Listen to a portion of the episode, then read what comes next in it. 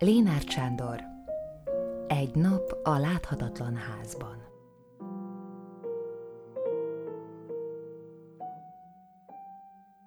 Első rész. Reggeltől délig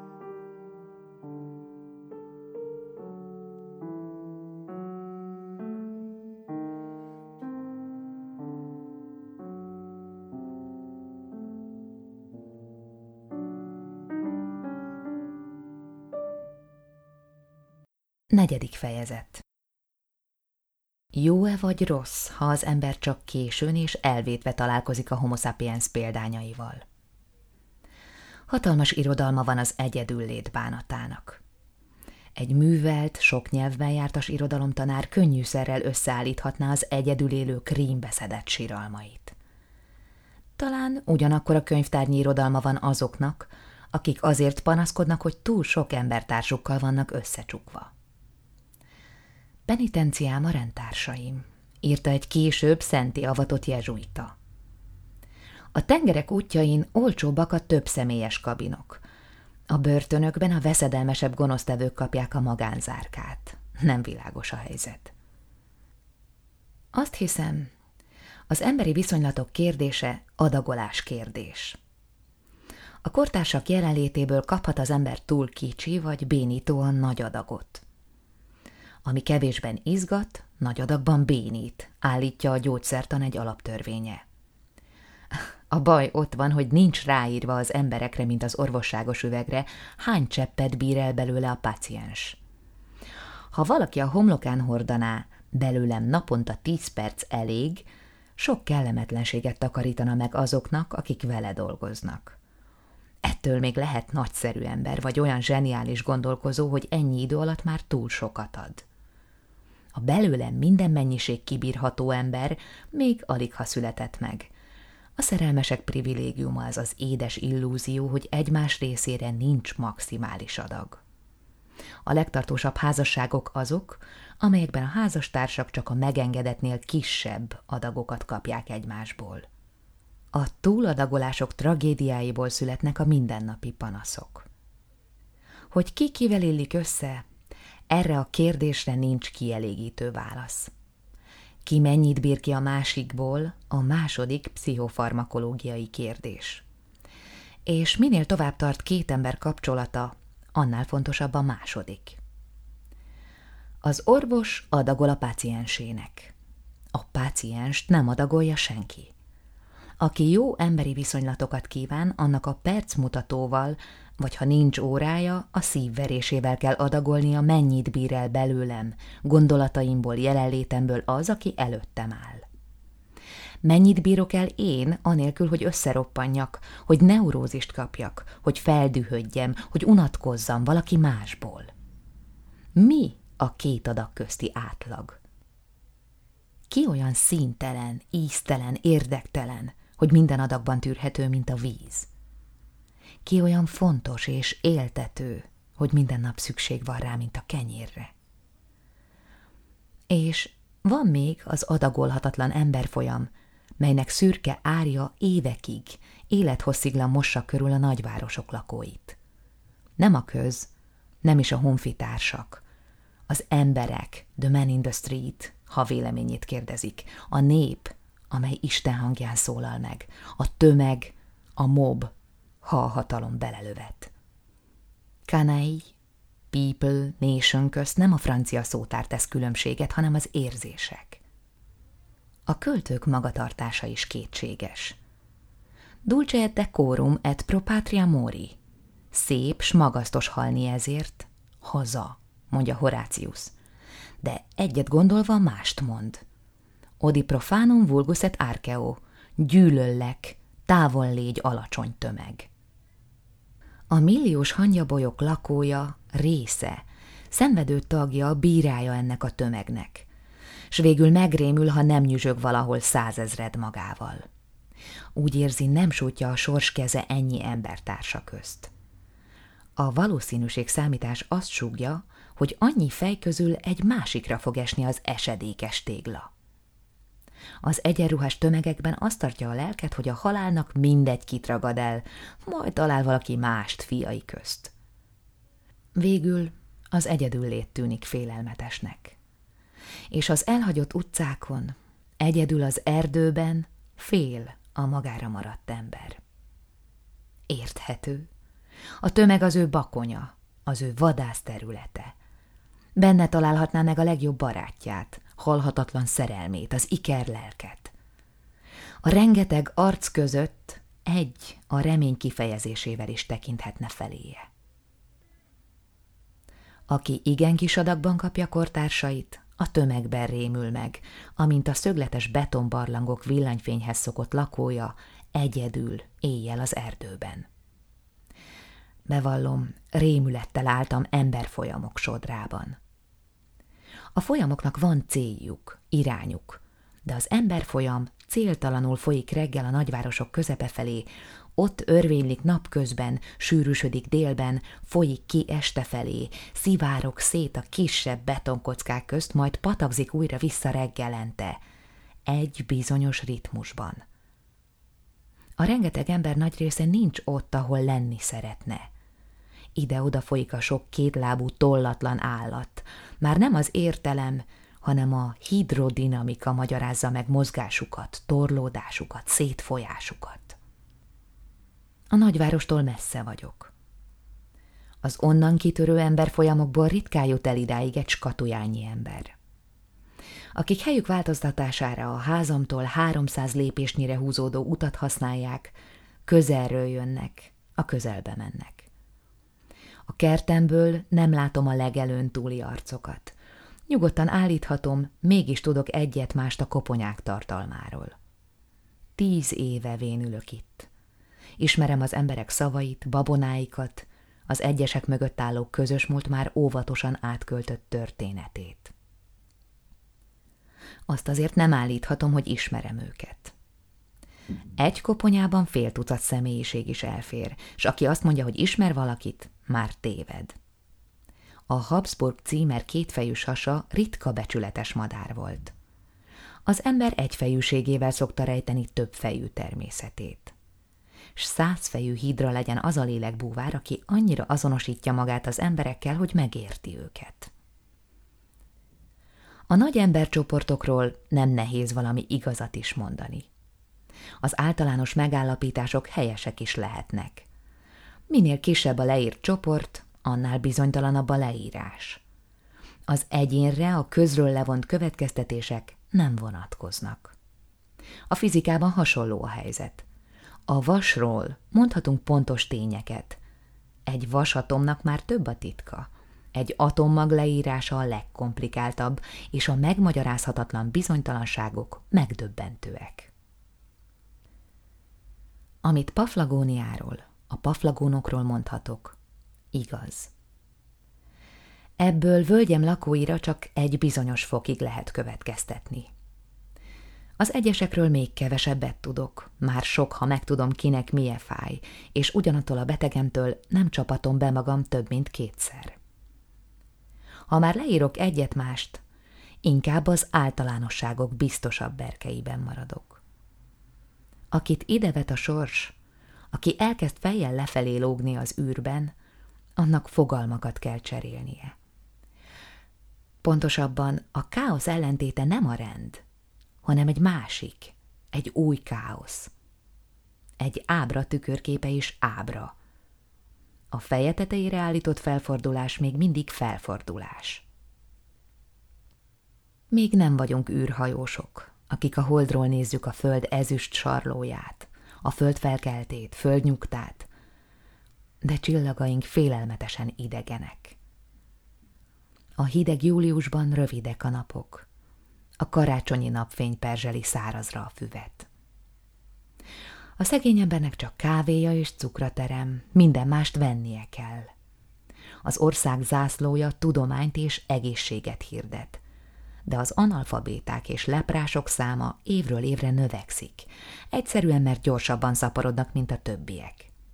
Fajgyűlölet nincs. Mindenkinek joga van rá, hogy olyan fekete legyen, amilyen akar. A lelki betegek ritkák. A testi betegek annyian vannak, hogy minden társadalombiztosítás összeroppanna súlyuk alatt. A csillagászok úgy vélik, hogy létezhetnek antianyagból készült antitejutak.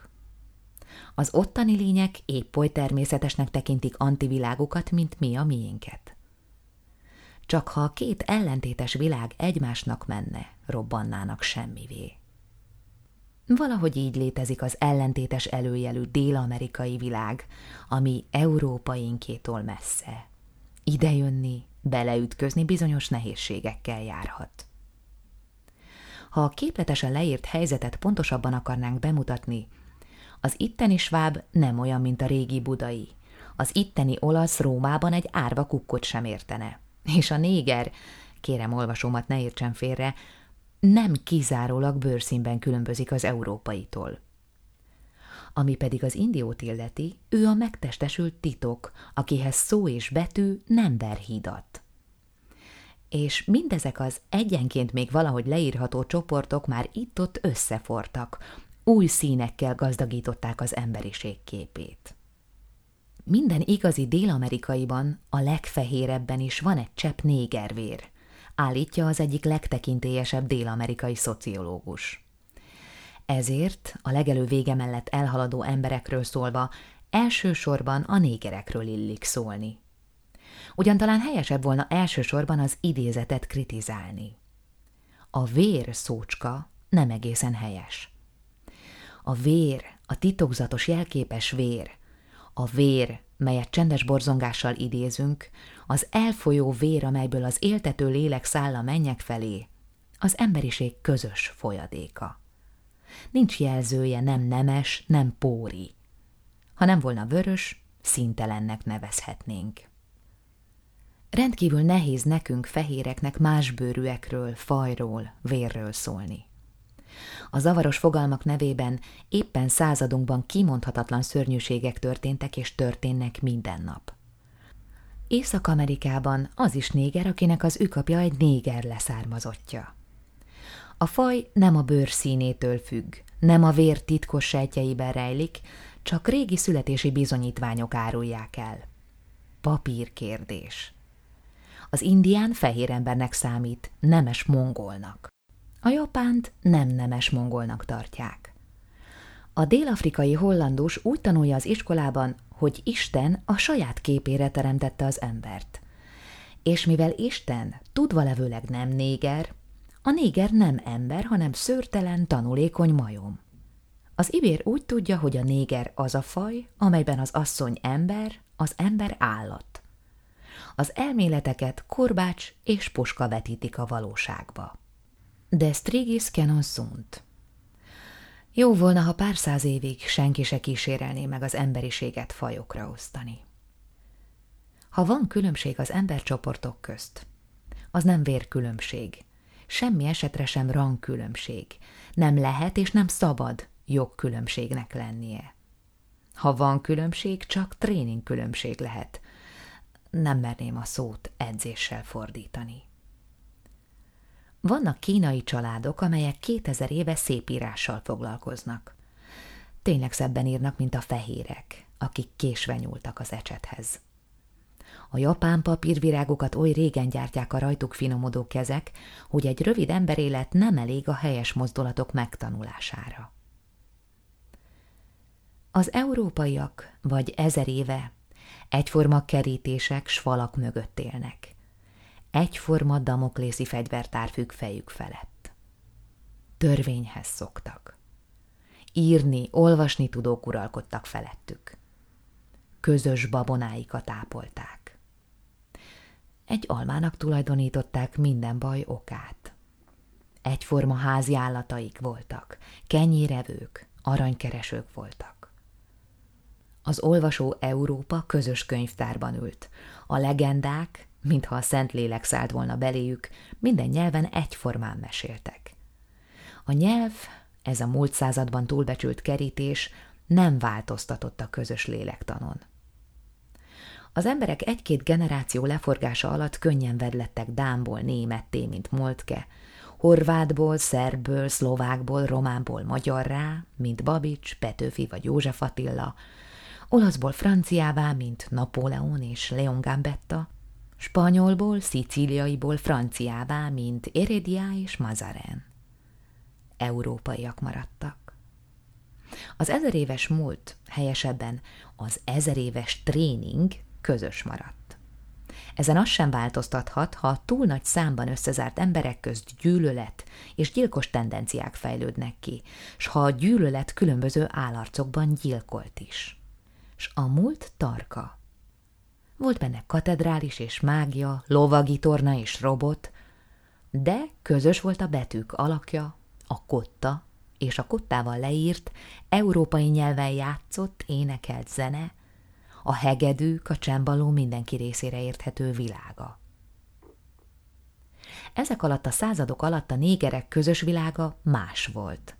Nem volt benne betű, hegedű, székesegyház és mágia, matematika, csillagászat, kenyér és bor, kőház és kilincs, üveg és cipő. Ma is alig van. A kereskedők a négereket akkor szállították Afrikából a tőle elszakadt, de hasonló Dél-Amerikába, amikor Európában Bach, sőt, már Beethoven koncertezett.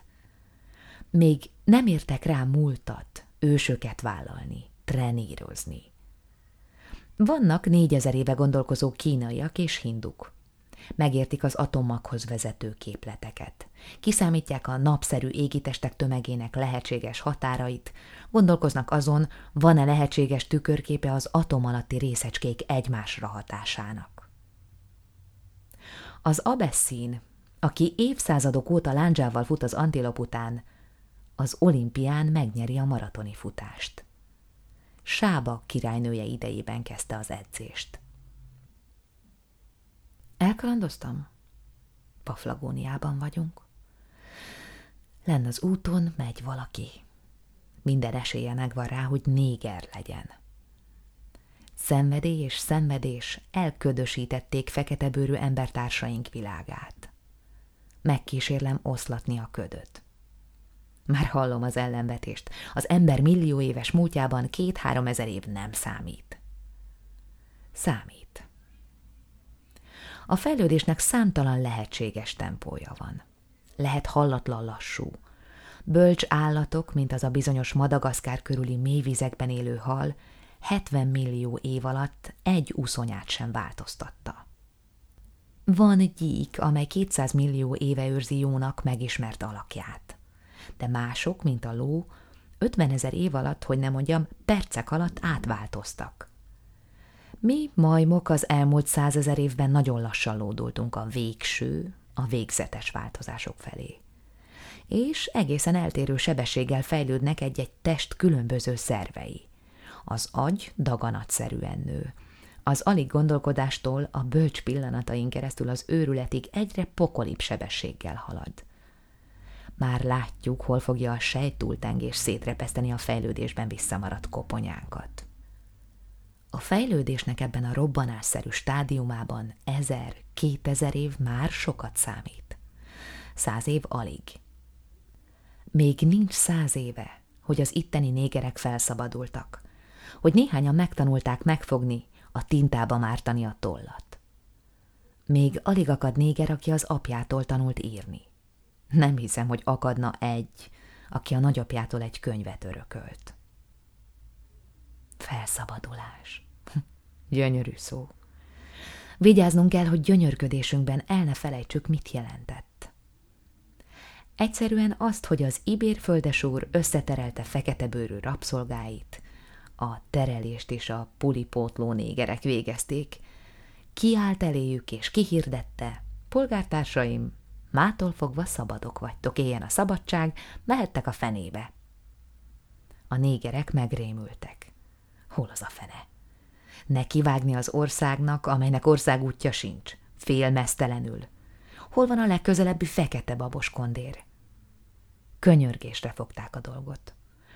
Nem maradhatnánk? De hogy nem, sőt, mától fogva fizetni fogok. Viszont ti is meg fogjátok fizetni a házbért és a babrist. Szabad polgárok vagytok. Ez azt jelenti, hogy nincs többé szombat este cukornát pálinka potyán. Fizetni fogtok, ti különben éhen szomjan dögölhettek. Nem vagytok többé rabszolgák? Vannak birtokok, melyeken még ott élnek a szabadpolgárok unokái. Máig se láttak pénzt. Ebben a nyolcvan évben úgy adottak a dolgok, hogy a házbér, vagyis a kunyhóbér, a babrizs és a pálinka mindig egy garassal többe kerültek, mint amennyit a munkabér kitett volna. A szabad polgár pénzezzacskója pontosan ellentéte lett annak a mesebelinek, amelyben mindig egy garassal több volt, mint amennyit boldog tulajdonosa kiadott. Elmenni? Minek, ha máshol is dolgozni kell? Dolgozni különben is értelmetlen foglalkozás. Földet szerezni? A néger, akinek ősei sem igen ültethettek valamit kölesen kívül, itt csak annyit tanult meg a földművelésből, hogy elől a kávécserje és hátul az ostor. Még inkább boldogult a városban, mert a város is dzsungelszerű. Ott se vont még senki egy barázdát, mégis megél. Lakni? Lakni könnyű. Deszkából, lécekből, plébödönökből nem nehéz hajlékot építeni. Az angolok Shantytownnak, a franciák Bidonville-nek nevezik az így keletkezett városokat. Bödönvilla negyed volna talán a helyes magyar fordítása. Sokan maradtak. Néhányan szétfolytak a térképen, de aztán elszaporodtak. Valahogy a verebekhez hasonló módon szálltak meg azokban az európai, e földön idegen találmányokban, amelyeket városoknak nevezünk. Túlzás volna állítani, hogy a fehérek segítették volna a tegnapi rabszolgáikat művelődni, de szaporodni segítették őket. Vénusz istenasszony birodalmában mindenkinek egyforma hosszú tréningje van. A régi magyar társadalomban kasztok voltak. De az írók, művészek, színészek valahol a kasztokon kívül lebeghettek, legalábbis este felé. Ilyen formán lebegtek a fiatal, sötétbőrű, fűszerillatú négerlányok kasztokon kívül, ha leszállt az éj. Lányaik, fiaik nem tűntek fel, az ország eszményképei. A négerek úgy látják, hogy hófehérek, közel állnak a világuraihoz. A fehérek azt becsülik, hogy hiányzik belőlük az a bizonyos ezeréves gátlás, a kerítéskorok neurózisai közelebbi rokonai Évának, mint a portugálok, spanyolok lányai, akik nem tudnak bűntudat nélkül vetkőzni. A São Paulói fehérek szobrot emeltek a néger anyának, aki a földbirtokos gyerekeit szoptatta, s megtanította szóahéli hangon ejteni a portugált. Illene, hogy a négerek szobrot emeljenek a fehér lélek kufárnak, aki elhajózott ősükért, áthozta, eladta, hogy unokáinak végül több joga legyen, mint a későn átjött fehérbőrűnek. Az országút a külvilágból jön. Oda vezet. Néha teherautó jön rajta, nagy ritkán végig biciklizik egy rendőr, a sofőr, a bakter, az, aki nem vet, nem maradt, de megszerzi a babot, a rist, rendszerint a benszülöttek régi nyarak barnítottak köréhez tartozik. Lent a tengerparton a négereké a világ. Nem a föld, mert azt nem szeretik. Megszokták, hogy az úr, a földura, a mennyek ura, a gyarmatura elébük rakja a babos fazekat. Nem a házak, mert olyan hajlékot szeretnek, ahol a földön is lehet tüzet rakni. De az utak, az utcák, a vásártér, a tengerpart az övék, Banánból, cukornádból annyi, amennyi az élet és az éhhalál közt áll. Aki azért lop, mert éhes, azt az angyalok viszik a mennyországba. Szabadok. Ki szabadabb annál, mint aki még nem fizetett adót. Itt fenn a dombokon valószínűbb, hogy az úton haladó ismeretlen a számtalan német törzs egyikéből fakadt. Magyarán sváb. A németekről már mindent megmondtak. Ők maguk leírták magukat, Heinrich Mann, lerajzolták magukat, Georg Gross, bemutatták magukat a Pireneusoktól Nárvikig, oda masíroztak a Kalé polgárok elé, szöges csizmával rúgták a kaukázus hegyeit. A dánok, a szicíliaiak zsebében egyformán nyílnak maguktól a bicskák, ha a németekről esik szó. A németek voltak azok, akik megcsömörlöttek az ezeréves tréningtől, és ágyú tűz alá vették a katedrálisokat. Ember bőrből cserzett pergamenre írták önmaguk történetét. Jéghideg, gyilkos dühüket, szégyenletes vereségüket Európa minden köve ismeri. Ha van valaki, aki nem tud róla, a sváb paraszt az, aki lent az úton baktat ökrös szekerén, kukoricalevélből szívja a háza mögött nőtt dohányból szálló büdös füstöt, és azon gondolkozik, hány zsák kukoricát fog az idén aratni. Száz, ha nem százötven éve hagyta el ükapja a brandenburgi herceg vagy a kölni érsek földjét. Mikor? Talán a nagyapja sejtette meg. Amikor már nyúlra sem volt szabad vadászni az uraság erdejében. Amikor már egy kapanyérre való fát sem kapott az ember ingyen. Vagy később? Amikor a poroszok minden fiatalembert katonának vittek. Voltak, akik egyenesen hajóra szálltak, s jöttek, két-három hónapig hajóztak, aztán nekivágtak az őserdőnek. Voltak családok, akik egy kis körúttal jöttek. Előbb elmentek egy-két emberöltőre Oroszországba, Volhíniába, a Kaukázus és a Fekete-tenger vidékére, Szibériába. Az első világháború után hazatértek Németországba, és már idegeneket találtak. A vérig sértett, vereségében tehetetlen, szégyenét, bűneit tagadó, nyomoráért felelőst kereső népet. Aki a háborút Oroszországban élte át, már máshogy látta a dolgokat, és tovább ment. Itt találkoztak a régi németekkel, akik még derdidásszal beszéltek, még ha banáról és mandióka gyökérről volt is szó. Ki tudna ma még a régi, tengeren túli birodalom roncsairól? A hetven évesek közt akad, aki az első háború után fordított hátat neki. Kilben fellázadtunk, meséli az egyik, aki még ma is beleillik a gondosan megőrzött egyenruhájába. Elég volt. Végünk volt. Felhúztuk a vörös zászlót. De a hadsereg még hitt a császárban, a tisztek is hittek. Kettőt közülünk agyonlőttek. Minket bakaruhában küldtek Flandriába. Amire odaértünk, már lövészárok sem volt, jöttek a tankok. Úgy volt, amint tudtuk, elvesztettük a háborút. Szaladtunk.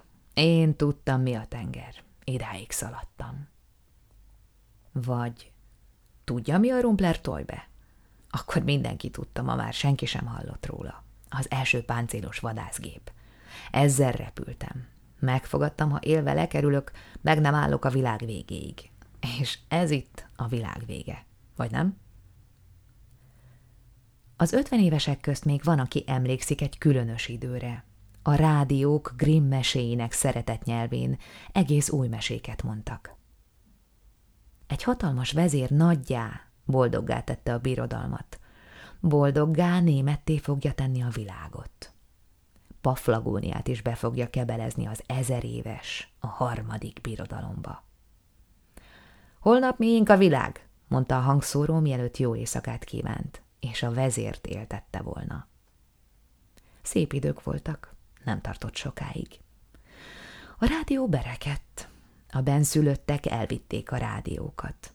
Mire újra lehetett egyet forgatni a gombon, a gép már elfelejtette a mese folytatását. Végül az emberek is elfelejtették a mesét. Nagyon ködös, nagyon távoli az itteni svábok Németországa. Luther Márton ott írja a Bibliát. Ott rágja a mézes kalácsot Jancsi és Juliska, ott hoz a húsvéti nyuszi színes tojást. Mindenki a nagyszülők nyelvét beszéli. Aki se nem zulukaffer, se nem sváb, minden valószínűség szerint olasz. Ha valaki megszólítaná, meghallgatná, se tudná ezt biztosabban, mint én, aki messziről nézem, hogy hozza a kukoricalisztes zsákot a malomból. Csak a Velence mögötti rizsföldeken, kukoricásokban, szőlőhegyeken hallani hasonló hanglejtést. A régi dallamba itt az Azori szigeteken használt arabból ibérbe csúszott, félreértett spanyol szavak vegyülnek. Babics hallhatott valami hasonlót, amikor a fogaras környéki románokra fülelt.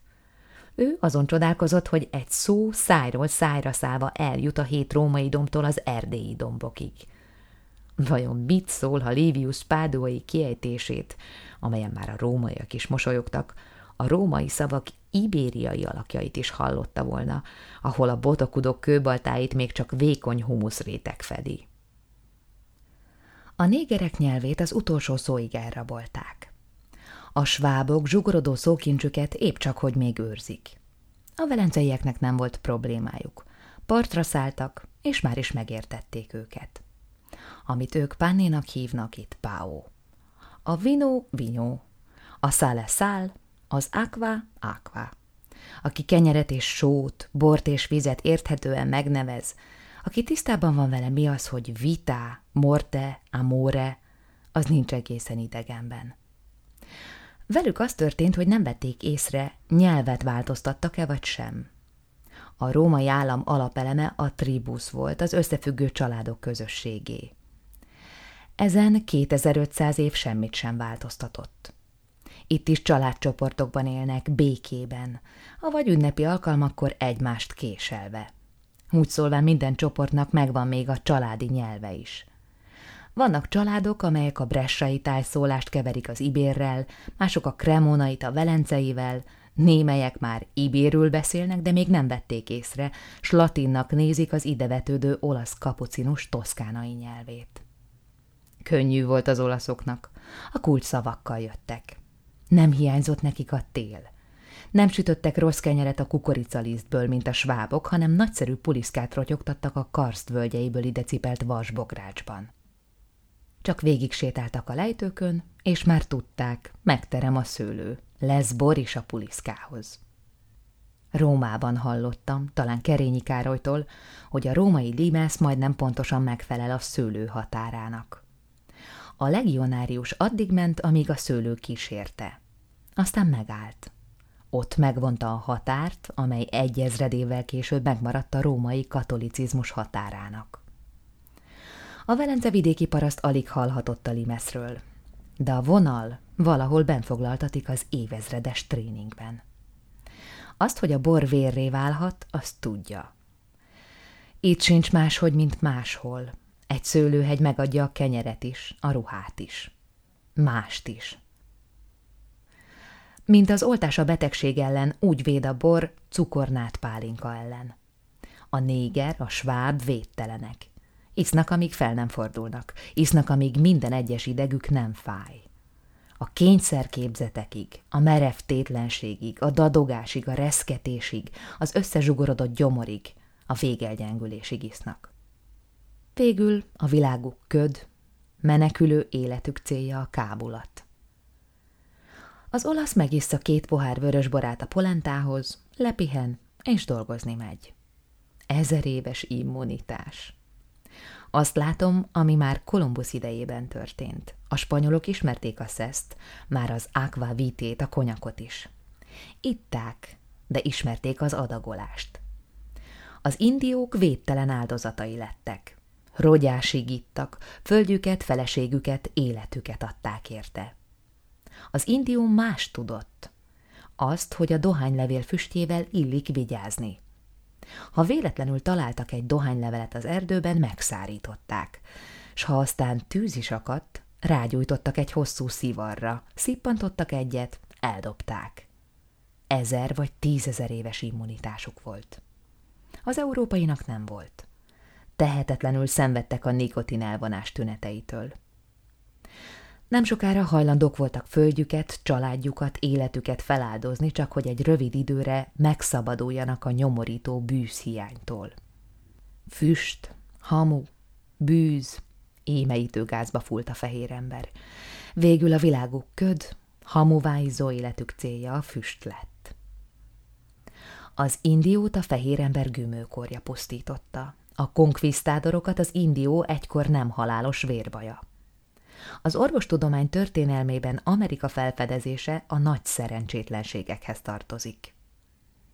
A sváb, a néger elpusztulnak az erősebb rum mérgétől. Nem örököltek immunitást. Az olasz bort iszik, azt is csak étkezéshez. Ő örökli a sváb földjét. A négerét nem örökli, mert annak sohasem volt. Nézem a ritka emberpéldányokat lent az úton.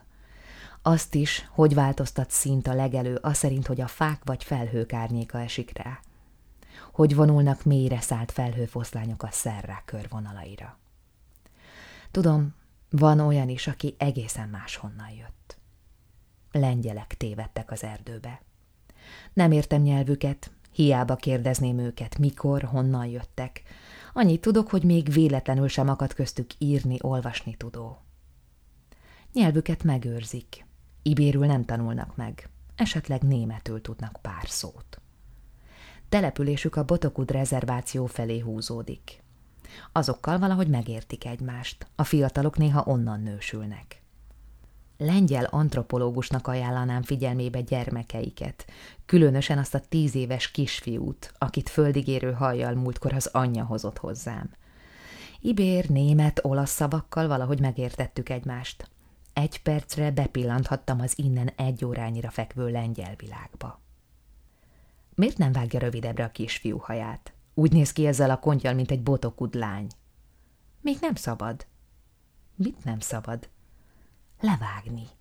Amikor négy éves volt, beteg volt. Megfogadtam a szentséges Szűz Máriának az égben, hogy hét évig nem vágatom le a haját, ha meggyógyul. Meg is gyógyította. Majd jövőre levághatom. És mit szól a férje? Nincs. Vagyis volt de egyszer rámont, vásárolt egy tizenkét éves kislányt, hazahozta a valhált. Aztán azt is megunta, megvette az anyját is. Engem kidobott, hazamentem apámhoz. Miért választott botok férjet? Nem akartam őt, de megbabonázott. Füstel áldozott az ő szentjeinek, és egyszerre nem tudtam többet ellenállni neki. Haja, azt az asszonyt, kitől vette a férje? Hát annak a férjétől. Nagyon szegény ember volt, szüksége volt a pénzre. A házból az útra nézve az ember nem tud meg mindent kortársairól. Beszélnie kell velük.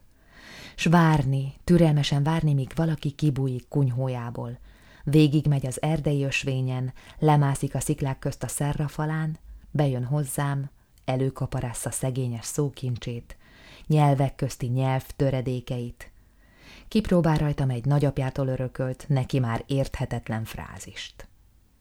Ha szerencsém van, mint az archeológusnak, aki törött agyaktáblákról elolvas egy mesét, végül én is okulok. Tudom, hogy Istenben mindenki hisz. Valakinek meg kellett teremtenie a világot, különben nem volna. Angyalt is teremtett eleget, de egy részük nem sikerült, ördög lett. Az ember sem sikerült, mert az ördög rávette Ádámot az almaevésre. Ehetett volna banánt, ananászt, mandióka gyökeret. Nem lett volna semmi bajunk. De végül majd bejutunk a mennyországba, ahol minden nap vasárnap van. Ennyi a közös hit. A különbség, hogy a mennyországot a hívők, az Isten gyermekei, a Jehova tanúi kizárólag önmaguknak tartják fenn, míg a nagyvallások hívői Isten kifogyhatatlan kegyelmére hivatkozva számolnak a lehetőséggel, hogy földi szomszédjaikat teljes számban, épp csak a csirke és dinnyetolvajok híján, viszont fogják látni a boldog túlvilágon. Az olaszoknak van egy szép kis versikéjük is, amely azt állítja, Isten meg fogja bocsátani a szerelmesek vétkeit, nem akarám egyedül csücsülni a mennyek országában. Isten van, emberek vannak köztük nagyon nagy a távolság. Az úr néha lecsap egy-egy mennykövet a földre, ha nagyon megharagszik. Az embernek már nehezebb felszólnia az örök atyához. Jó, hogy apostolok, szentek, angyalok, szellemek lebegnek az embert az úrtól elválasztó távolságokban. Ők intézik az apró ügyeket. Szent Barbara mennydörgés ügyekben tárgyalhat az Istennel. Szent Lúcia egy gyertya ellenében szembaj gyógyít. Szent Sebestyén a Somogyban Rossebnek címzett nyavaját. Nincs az a pápa, aki sárkányölő Szent Györgyöt meg tudná fosztani méltóságától. A Paganus, a távoli völgyek pogány lakója, hű marad bevált kisisteneihez. Akik kiűzik az Istent a világból, nem is sejtik mi mindent, ki mindent űznek ki vele. A kis és nagy, jó és rossz szellemek, a halottak hazajáró lelkei, a mindenhol tevékeny, láthatatlan, de érezhető sereg eltűnik nyomában, és az ember egyedül áll a földön. Kihez forduljon halál félelmében, fájdalmában?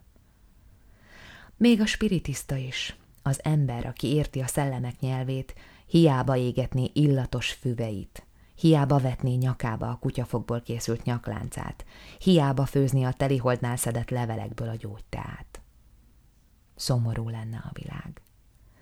Elhullanának a rossz szemmel megvert tehenek. A gonosz varázslók, akik ismerik Mózes hetedik könyvét, fejszét vágnának a fatönkbe, azt fejnék meg. S a jó ember hiába fejné tehene üres tőgyét. Még azt is hinné, hogy kígyó vagy varangy szopta ki. Süt a nap.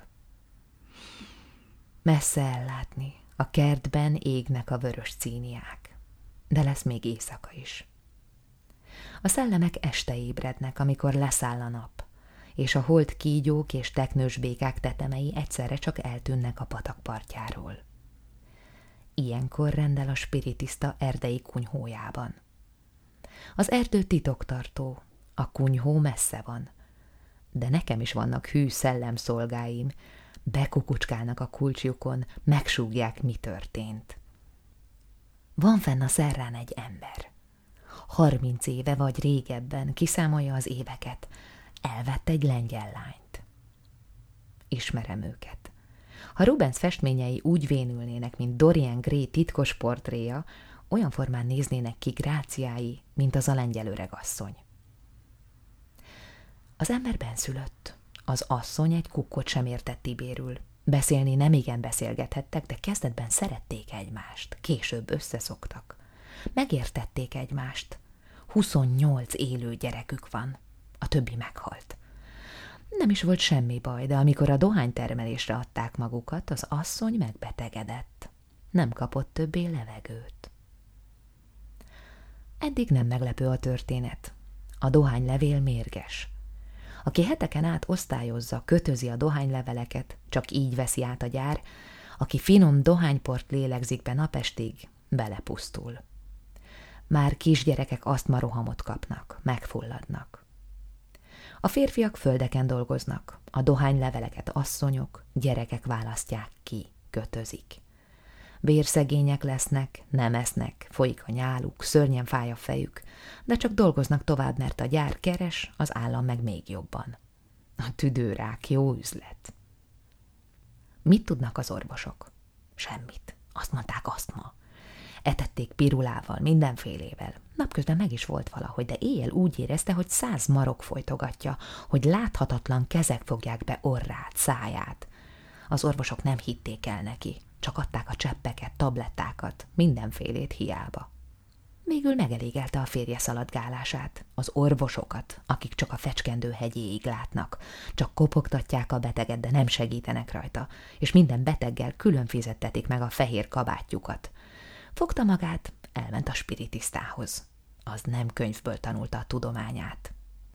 A tudós szépen meghallgatta, miről van szó. Nem kérdezett bolondokat, hogy hány gyereke van az asszonynak, hogy volt-e már tüdőgyulladása, csak szívta a kukoricaszivar füstjét és bólogatott. Várj csak, újhold idején beszélek a szellemekkel.